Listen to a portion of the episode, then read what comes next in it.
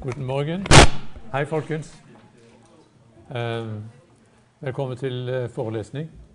Eh, jeg har nok sett noen av dere før. Noen er ukjente. Eh, jeg heter Notto Telle. Eh, har, er seniorprofessor her. Og har Bakgrunnen for at jeg da har dette temaet, er at jeg har bodd i Japan i mange år. Jobbet i, ikke minst i møte med forskning av buddhismen og engasjert i dialogen mellom buddhisme og kristendom. Både i Japan og i ganske mange år her hjemme også. Eh, det er meg som har skrevet den eh, læreboken som er på en måte iallfall en vesentlig del av det pensumet som dere har om buddhismen. Det kommer vi tilbake til. Vi har forholdsvis knappe tidsmarginer. Vi har to timer i dag, to timer neste fredag. Og denne forelesningen, disse forelesningene er jo først og fremst rettet mot den etiske og moralske tenkningen og praksisen i buddhismen. Og det gjelder ikke bare sånn moralbud og regler. Det er ikke så vanskelig å, sette opp eh, noen grunnleggende regler og si at dette er buddhistisk etikk og moral. Eh, vel så viktig, eller iallfall like viktig, er den etiske tenkningen som ligger bak. Motivasjonen og drivkraften, helheten det tankeuniverset eller religiøse universet hvor etikken har sin plass og sin begrunnelse. Det håper jeg vi kan satse på å få tak i, iallfall selve grunnstrukturen. Egentlig Det er noen som eh, kanskje stusser litt når jeg sier dette. Egentlig er buddhismen en ganske enkel grunntenkning. Eh, det handler om å våkne opp, åpne øynene og se og ta konsekvensen av hva det våkne blikket ser. Dessverre er det litt vanskeligere. Det er ikke så lett sagt som det er gjort. Og det utvikles i buddhismen en ganske gjennomtrengende, dyptloddende, filosofisk analyse av tilværelsen, av menneskets lodd i tilværelsen, og den praksis som forventes å bryte ut av sinnets bindinger og livets smerte. Og Buddhismen utfolder seg derfor naturlig, det gjør alle religioner, på ganske mange ulike plan, i mange former. Fra en forholdsvis elitistisk, filosofisk og monastisk, altså munkerelatert, eller mest munker, men også noen nonner, men altså monastisk disiplin, fra det til mer folkelige utgaver som er overkommelige for folk flest. Både som hverdagspraksis og som en lett forståelig lære. Vi må altså komme litt lenger enn de kjappe svarene og enkle forklaringene. Vi er klar over at et pensum på ikke så forferdelig mange sider og to dobbeltforelesninger pluss et avsnitt i boken om religion og etikk at det ikke nødvendigvis bringer oss så veldig langt under overflaten. Men jeg håper i det minste at jeg kan gi dere, hjelpe dere til å få tak i noen sånn grunnleggende nøkler til forståelse. Eh, så dere selv kan gå videre i ettertanke og refleksjon. Det kan godt hende at det er noen her jeg vet ikke, buddhismen er for de fleste litt fjernere enn f.eks. islam, som er mye mer nært og påtrengende i Norge. Det kan jo godt hende at noen av dere har et spesielt engasjement på buddhismen og vet kanskje det meste av det jeg sier. Men de fleste tenker at mye av dette er litt nytt og litt fremmed, selv om dere har hatt det på skolen, helt sikkert. Uh, vi skal altså forsøke å gå litt grundigere til verks, med særlig oppmerksomhet på buddhistisk etikk. Og jeg tenker selv at buddhismen er, eller iallfall kan bli, en viktig faktor i moderne etisk refleksjon. Eh, men jeg er enig med religionshistorikeren på østasiatisk, eller på Hva heter det nå? Det heter ikke Østasiatisk institutt lenger. Eh, etikk for humaniora, er det ikke det? Torkel Brekke, som, eh, som, sier, som er professor, eh, som sier, Han skrev for et par år siden en bok om hva er buddhisme, en av disse seringene, hva er bøkene, hvor han kommenterer at det har skjedd i moderne, ikke minst i Vesten og til en viss grad også i Norge, en enorm romantisering av buddhismen. En forholdsvis overfladisk og lett tilnærming til buddhismen, eh, som ikke minst dukker opp nå i eh, det han kaller milliardindustriens multi-mindfulness, som viderefører en intens romantisering av buddhismen. Eh, hvor han også nevner at mye forskning viser at eh, som viser at metoden virker, ikke alltid er like holdbar. Eh, eh, sikkert noen av dere som har vært borti mindfulness. Jeg har mye godt å si. Det er mye godt å si om dette. Det hjelper mange mennesker. Men som en inngang til buddhismen er det ikke nødvendigvis det aller beste, selv om mindfulness også er et helt sentralt element i buddhismen. Altså den stille ettertanke, eh, det våkne nærværet, det er helt fundamentalt også i buddhismen. Men det som man av og til anklager skal vi si, den moderne, litt overfladiske tilnærmingen til buddhismen, er at den lett kan bli eh, litt sånn feel good.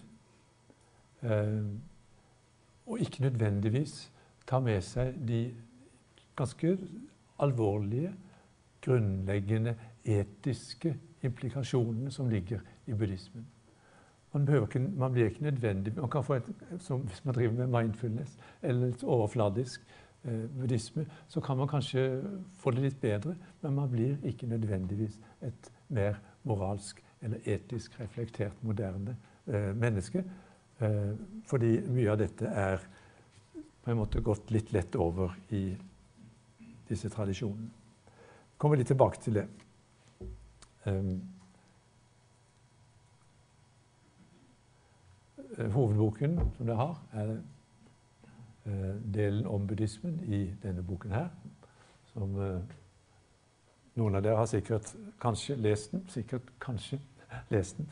Anbefaler dere å lese den grundig. fordi eh, mitt anliggende ved å skrive dette, denne delen om buddhismen Det er en del bøker om, om buddhisme som er dynget ned av ganske krevende eh, begreper.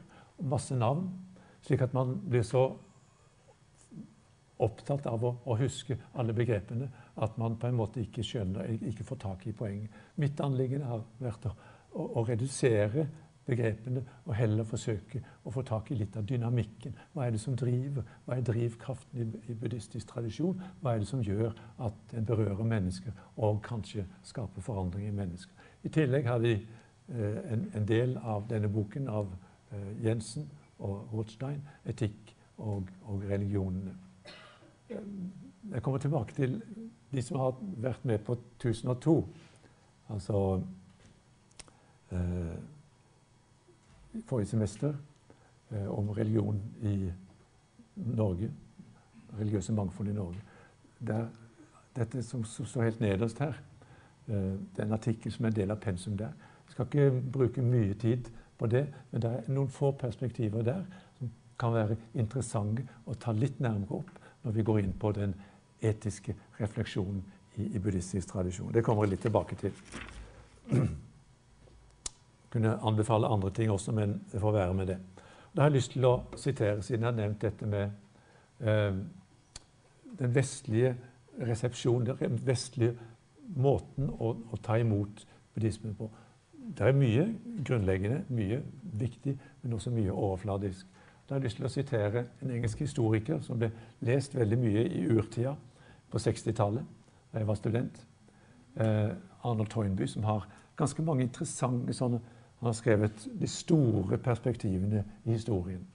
Og Der skrev han altså i 1947 en ettertanke om hvordan vil fremtidens historikere om 100 år eller 200 år hva vil de si er helt avgjørende av det som skjedde i det 20. århundret?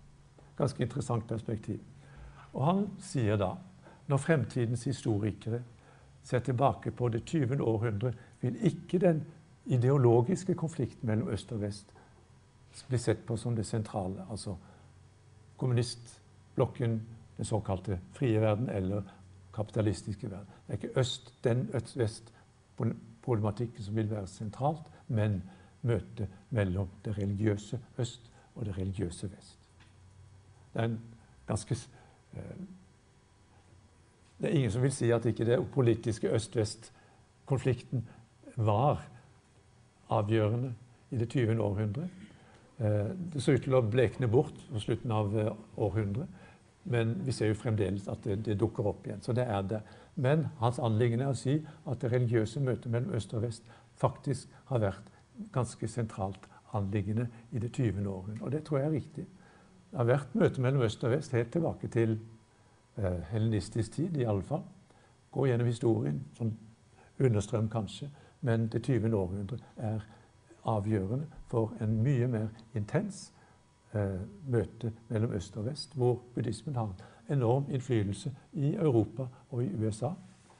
Samtidig må det også sies at Vesten og kristendommen har hatt en enorm innflytelse i Østen. Men det er ikke hovedpoenget her. Um, dette kan dere jo ta med som en liten refleksjon. Noen få ord om det som jeg nevnte med det, den overfladiske tendensen i en god del vestlig buddhisme. Det er en uttrykk der som litt sånn humoristisk beskrivelse. Instant Buddha, Zen Light, uh, Mac Buddha, nattbordbuddhisme. Man har en, en, bok om buddhismen på nattbordet. Uh, og, og, men man blir ikke buddhist av å lese en bok om buddhisme. Man blir ikke buddhist av å ha en buddha-statue i hyllen. Akkurat som man ikke blir daoist av å gå rundt med et yin-yang-smykke. Uh, men mye av det er underholdning og stemning. Mye av det går tilbake til motkulturen på 50- og 60-tallet. USA.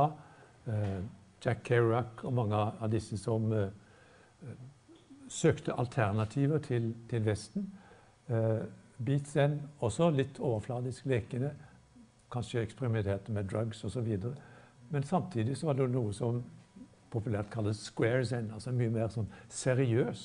Folk som virkelig satset livet. De reiste til Østen, de reiste til India mediterte under buddhistiske mestere og var av og til faktisk langt mer seriøse enn de eh, japanske eller kinesiske eller vietnamesiske buddhistene som studerte under sine mestere. Eh, og deler av mindfulness-bølgen. Det er en, del av eh, det, men og, mye av det for mange har vært en begynnelse til et mye mer gjennomtrengende engasjement, men mye er overfladisk. Eh, et stikkord som fall, Jeg skal ikke si så mye om det, men i fall ha det med som en, en refleksjon, som det er kalt for lærebokbuddhisme. Burde veldig forsiktig med ordet, siden jeg selv har skrevet en lærebok.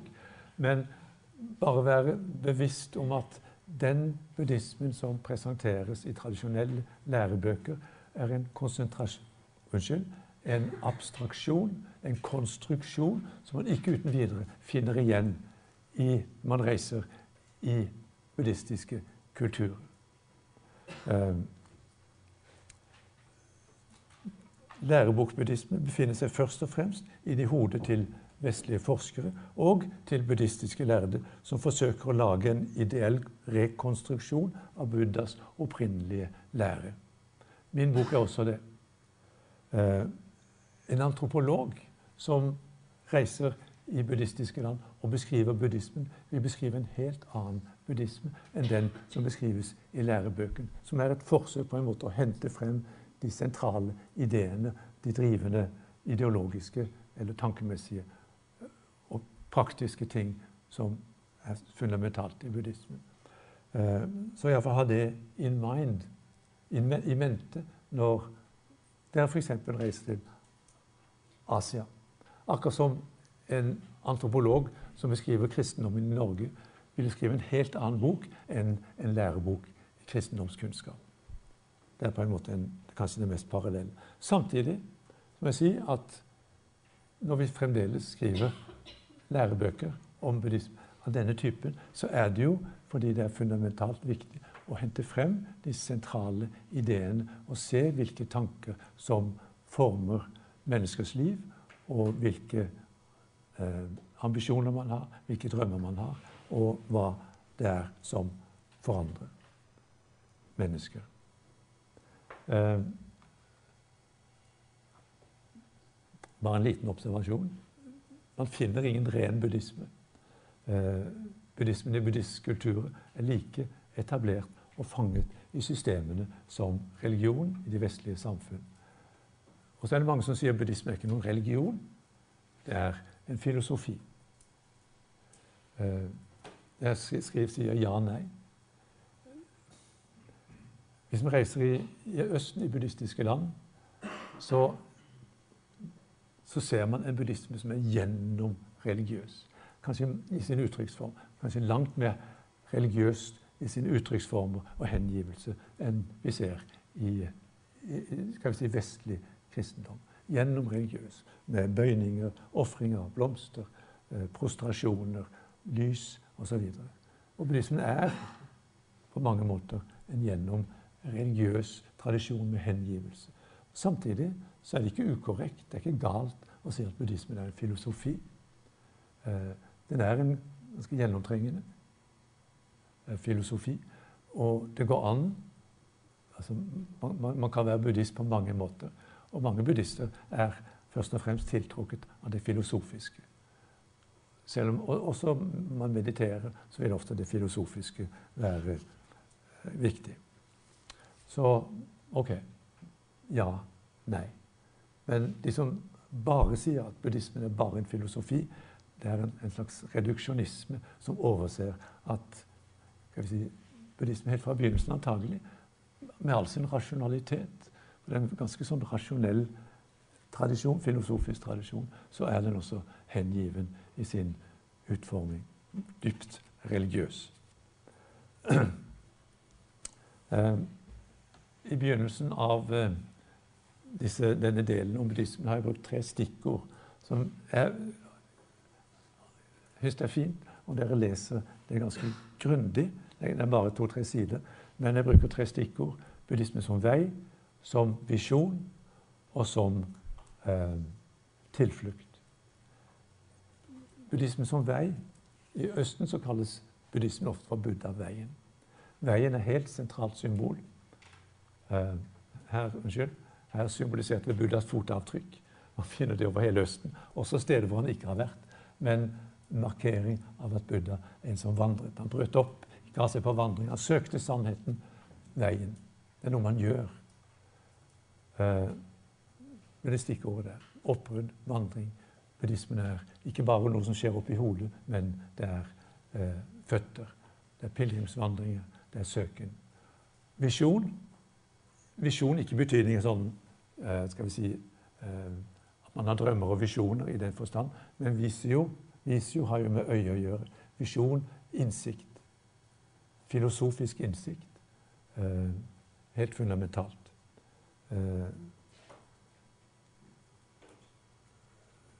Det siste tilflukt kan virke litt forvirrende for mange. Fordi det å bli buddhist Da sier man bli buddhist er å ta tilflukt. Man taler om tre tilflukter. Jeg tar min tilflukt til Buddha. Jeg tar min tilflukt til dharma, som er læren eller filosofien. Og jeg tar min tilflukt til sangha, som er fellesskapet, ordensfellesskapet, hvor man kan praktisere. Tre tilflukter. Å søke tilflukt er å søke hjelp. Det er å søke hjelp der ute. Man strever, man har smerte, man lider og så desperat behov for hjelpere. Man tar tilflukt til Buddha, til Dharma og Sangha. Og Samtidig sier buddhismen Buddha vær din egen tilflukt. Søk ikke hjelp der ute. Du kan undersøke i hele verden. Svaret ligger ikke der ute. Svaret ligger i ditt eget sinn. Vær din egen tilflukt. Er det noen motsetning? Spenning, kanskje? Anliggende med de tre tilfluktene er at man søker hjelp, søker tilflukt til mennesker, tanker og miljøer der en kan få hjelp, inspirasjon til å være sin egen tilflukt. Disse tilfluktene er hjelp til å søke innover i sitt eget sinn, til å åpne øynene, se klart hvordan virkeligheten er, og kanskje finne svar på sine spørsmål. Noen få, Jeg nevnte så vidt uh, denne artikkelen uh, som, som, ble brukt på uh, 2002. men som jeg så vidt vil berøre fordi det går på en sånn kontrastering eller en, en sammenligning mellom hovedtendenser i kristen tradisjon Helt sikkert også mye av det i muslimsk tradisjon og jødisk tradisjon. Og i buddhistisk tradisjon. Med fare for skjematisering, så det ligger eh, en advarsel der. I, I den artikkelen som jeg nevnte, så har jeg forsøkt å hente frem På en måte rendyrke eh, hovedtendenser i det kristne språket og det buddhistiske språket, eller retorikken. Hva er sentrum, hva er hovedanliggende i den bibelske tradisjonen, også i stor utstrekning i islam? Eh, jeg sier at kristendommen, bibelsk tradisjon, først og fremst er eh, vekt på relasjoner. relasjoner. Hele det religiøse språket går på relasjoner. Eh, og på noen stikkord der ord, øye osv. I Første Mosebok, en av skapelsesberetningen heter det Gud sa 'bli lys'. Gud taler, og det skjer. Skaperen taler, og det skjer. I den videre fortellingen Guds samtale med Adam og Eva. De gjemmer seg. Hvor er, hvor, hvor er du? spør eh, Gud Adam.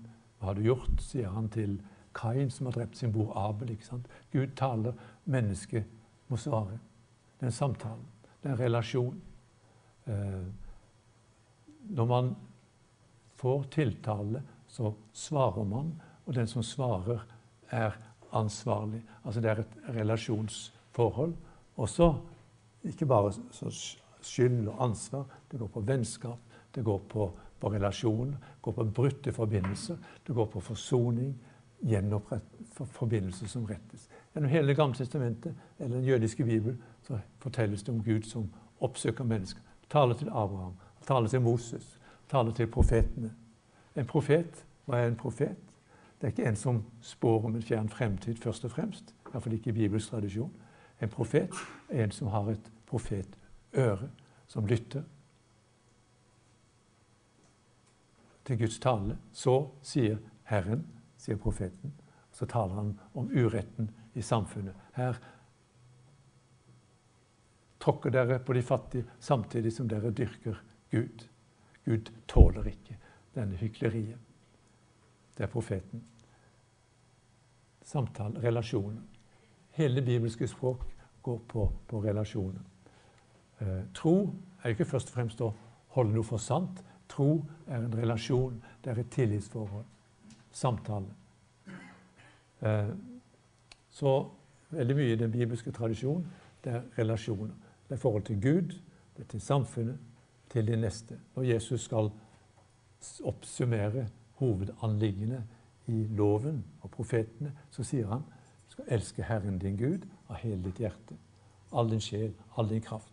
Og du skal elske din neste som deg selv. Det er relasjoner. Du kunne si mye av det samme om Mohammed, profeten osv. Det er relasjoner. Eh, så hovedskikkelsen i bibelske tradisjon hvis vi skal ta litt sånn religionsvitenskap, så er det kanskje profeten. Som lytter. Og mennesket som lytter, som taler. Ansvarlighet osv. Går vi på rettferdighet? Forandre samfunnet. Ok, Dette er litt sånn veldig forenkling, men dere kan tenke over det. Hvis en da ja, Forsoning, gjenopprette relasjoner. Hele det kristne språket er, går stort sett på relasjoner eh, buddhismen. Ikke øre og samtalen først og fremst, selv om det er det. Men buddhismen handler først og fremst om øyet. Om å våkne opp, om å se.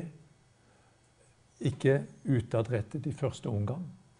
Det er sinnet. Eh, det er klarhet. Hele, hele det buddhistiske språket går på øyet, innsikten, oppvåkningen.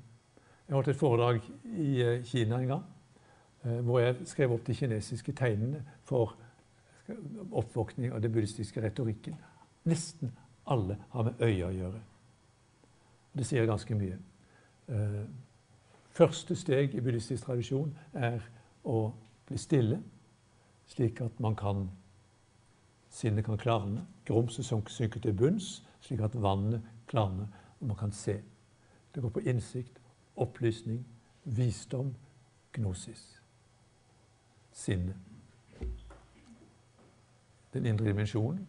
Og hovedskikkelsen, i, ikke bare i buddhismen, i, i mange, i en del av hinduistiske tradisjoner, også en del av si, andre mer mystiske tradisjoner, islam, kristendom, hinduismen, det er den vise, den som er våknet opp, den som ser. Buddha, hva betyr Buddha?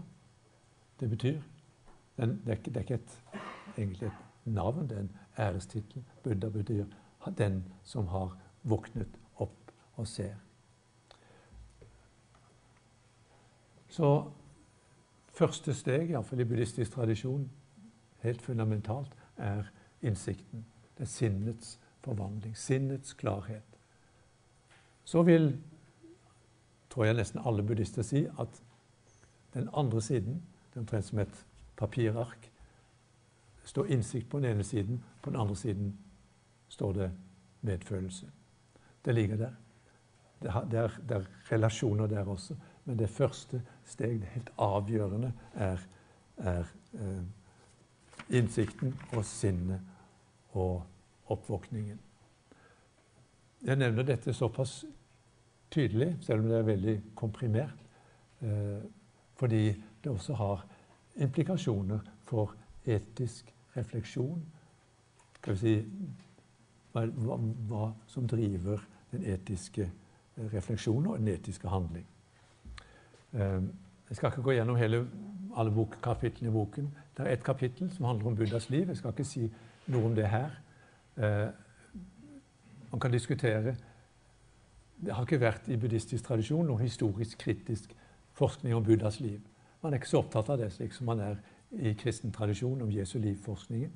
Eh,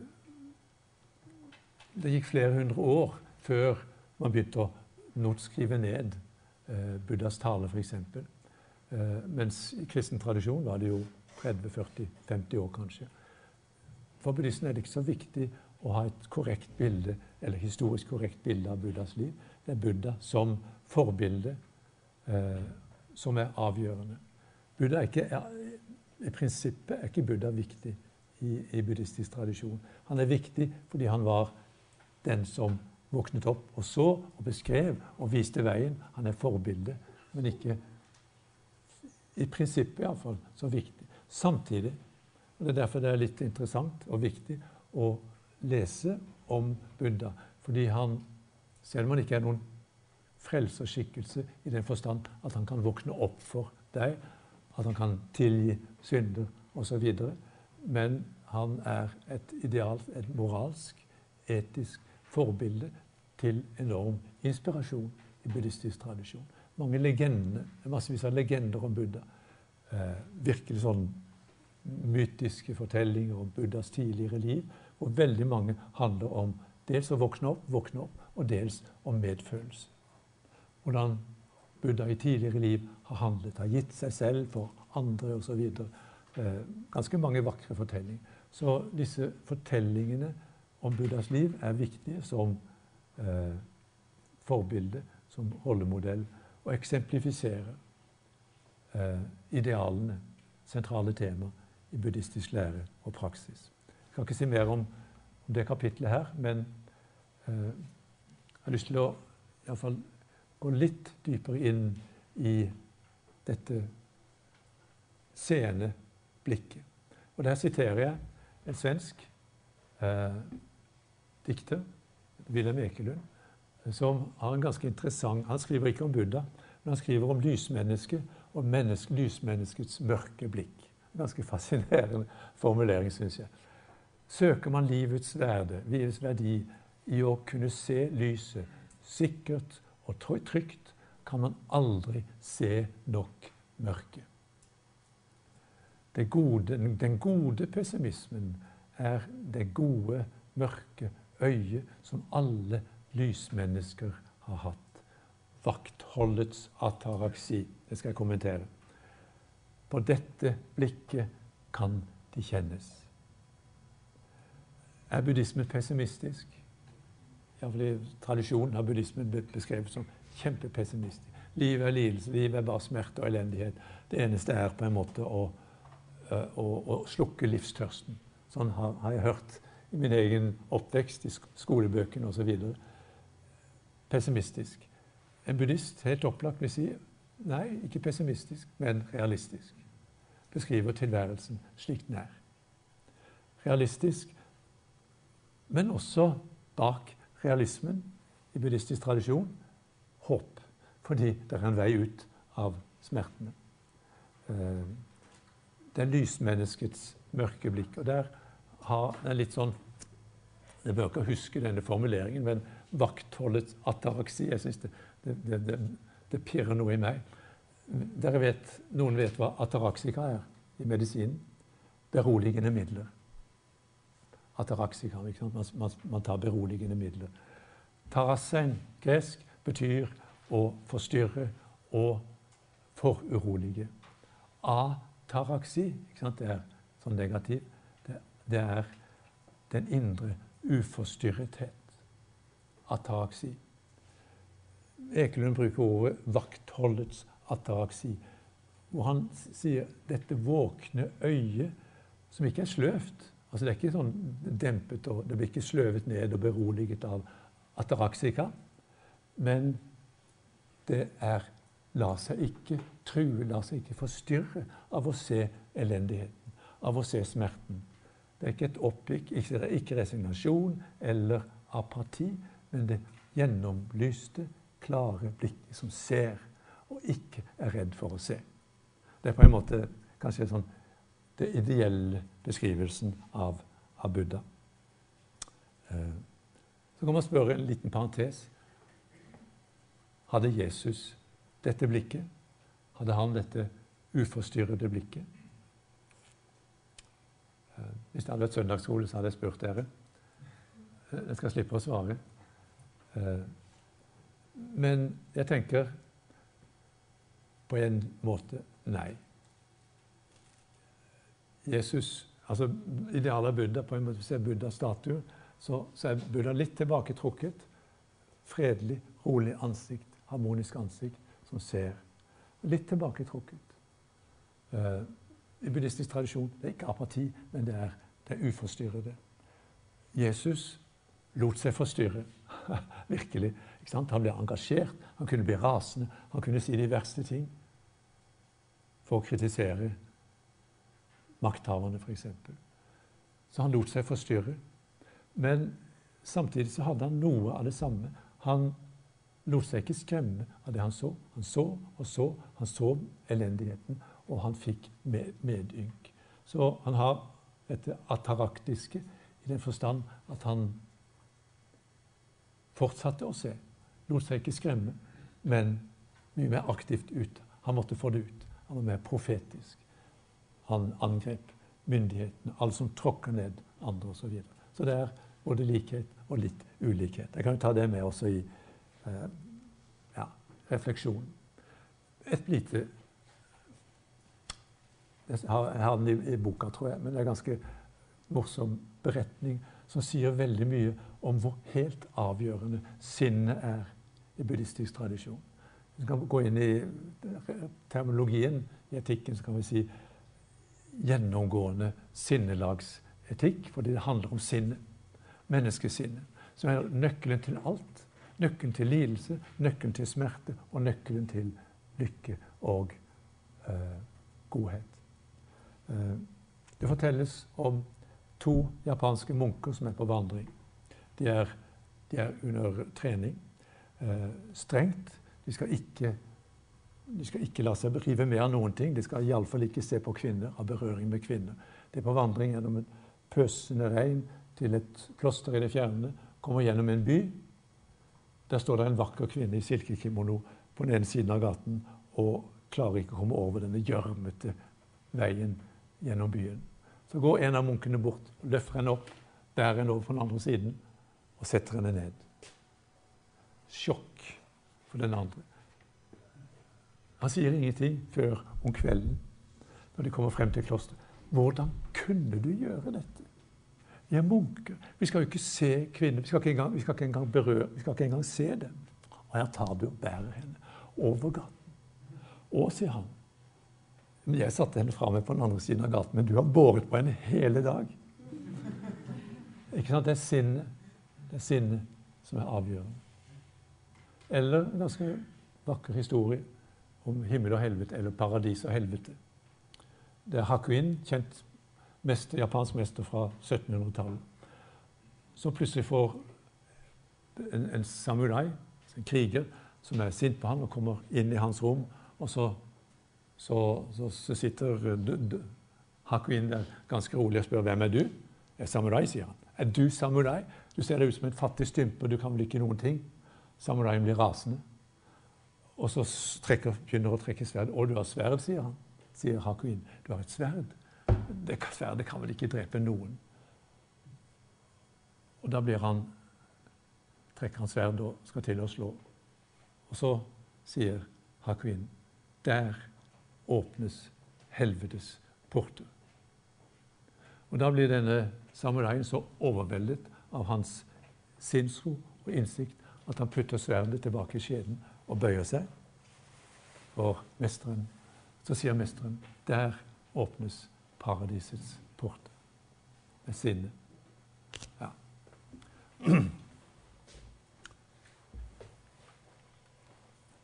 Hvordan ser verden ut for det tilbaketrukne blikket?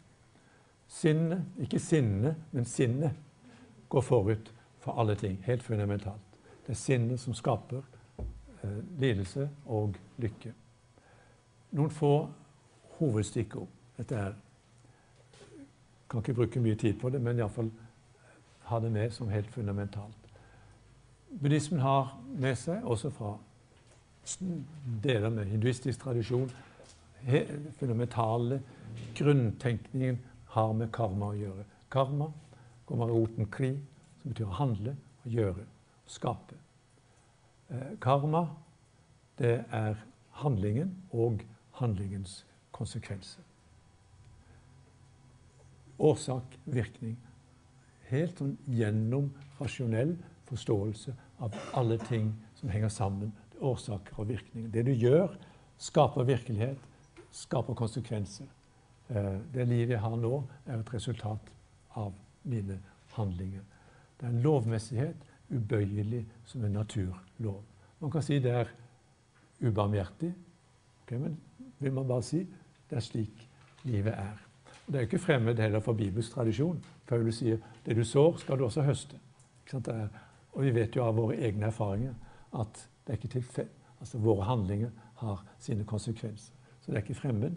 Det som er særegent for buddhistisk tradisjon, og også hinduistisk stort sett, er jo at dette på en måte er den altoverskyggende, den, på en måte selve hovedelementet i, i uh, tenkningen. Og sammen med dette samsara. Uh, jeg bruker altså kretsløpet av liv og død. Vi har ikke tid til å gå inn på forskjellen mellom hinduistiske tradisjoner og buddhistiske tradisjoner. Men er, ofte kaller man, kaller man det reinkarnasjon. I buddhistisk tradisjon er det, det er ikke noe sånn en egokjerne. Det er ikke et sånt uforanderlig selv som vandrer fra, fra, liv til liv, fra kropp til kropp. Alt er i prosess hele tiden. Menneskets selv er ikke en uforanderlig identitet. Mennesket forandrer seg gjennom hele livet. Så det er ikke et sånt, sånt, sånt Skal vi si Det er ikke en sånn kjerne som går videre.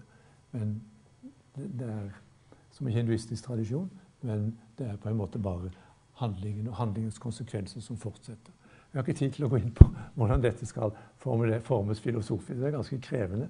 Og I buddhistisk tradisjon man, foretrekker man faktisk ofte å, å bruke bilder for, for, å si noe om kontinuiteten. For selv om jeg, eller mennesket Jeg er ikke den samme jeg var da jeg ble født eller var 15 år eller student. masse som har forandret seg. Men jeg vet samtidig at, den, at det fremdeles var meg, selv om tankene og cellene skiftet ut mange, mange ganger.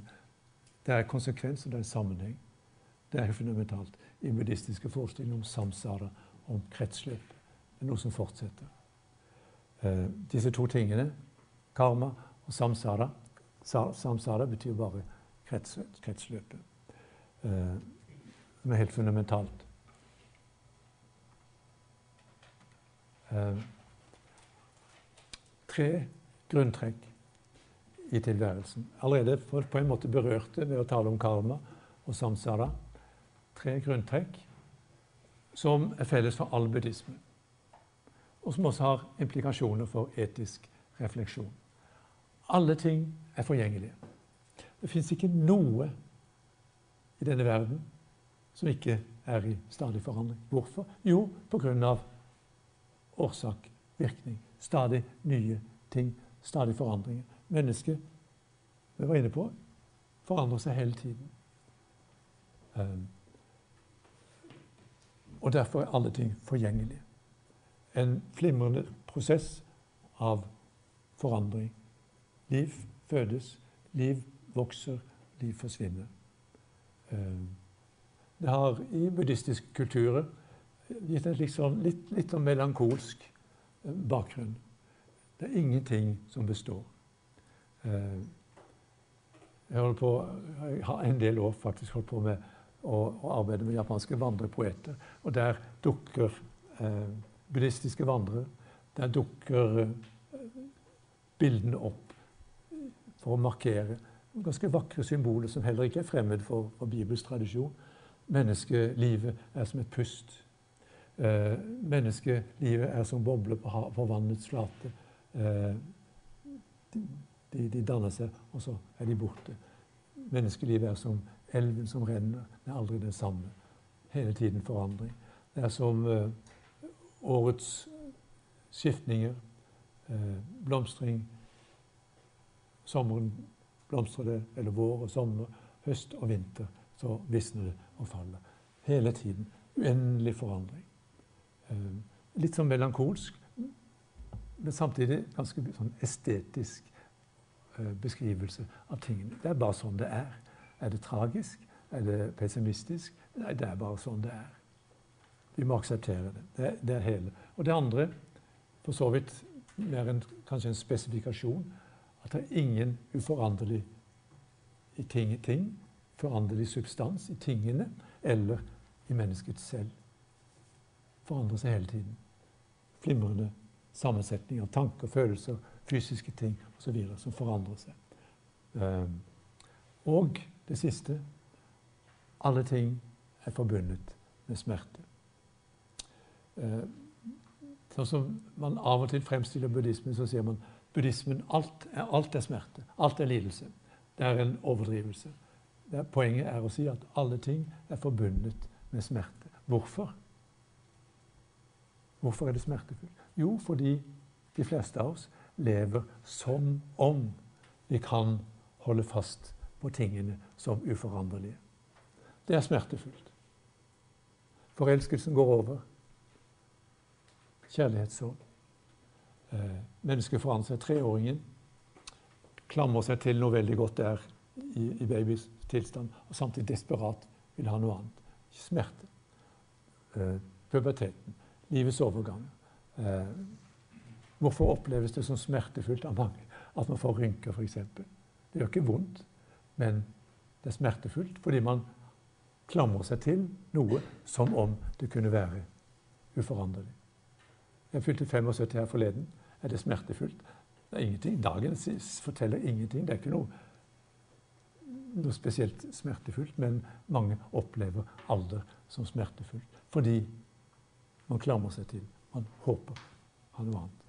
Slik er det med alle ting forbundet med smerte. Hvorfor? Jo, ikke fordi det er vondt å bli gammel nødvendig. Ok, man kan få vondt i ryggen og sånne ting. Eh, men fordi sinn, det er sinnet som skaper smerte. Sinnet klamrer seg til ting og tilstander og opplever smerte når tingene forandrer seg. Karin Boje, noen av dere kjenner sikkert Karin Bojes dikt. Ja visst gjør det ondt når knopper brister. Visst gjør det vondt når knoppene brister, sier hun. Hvorfor skulle ellers våren tveke? Hvorfor skulle ellers våren nøle? Jeg tror ikke det gjør vondt for knoppene, men det er mennesket. Det er et symbol på menneskets opplevelse. Vår opplevelse av hvor krevende og vanskelig forandring kan være.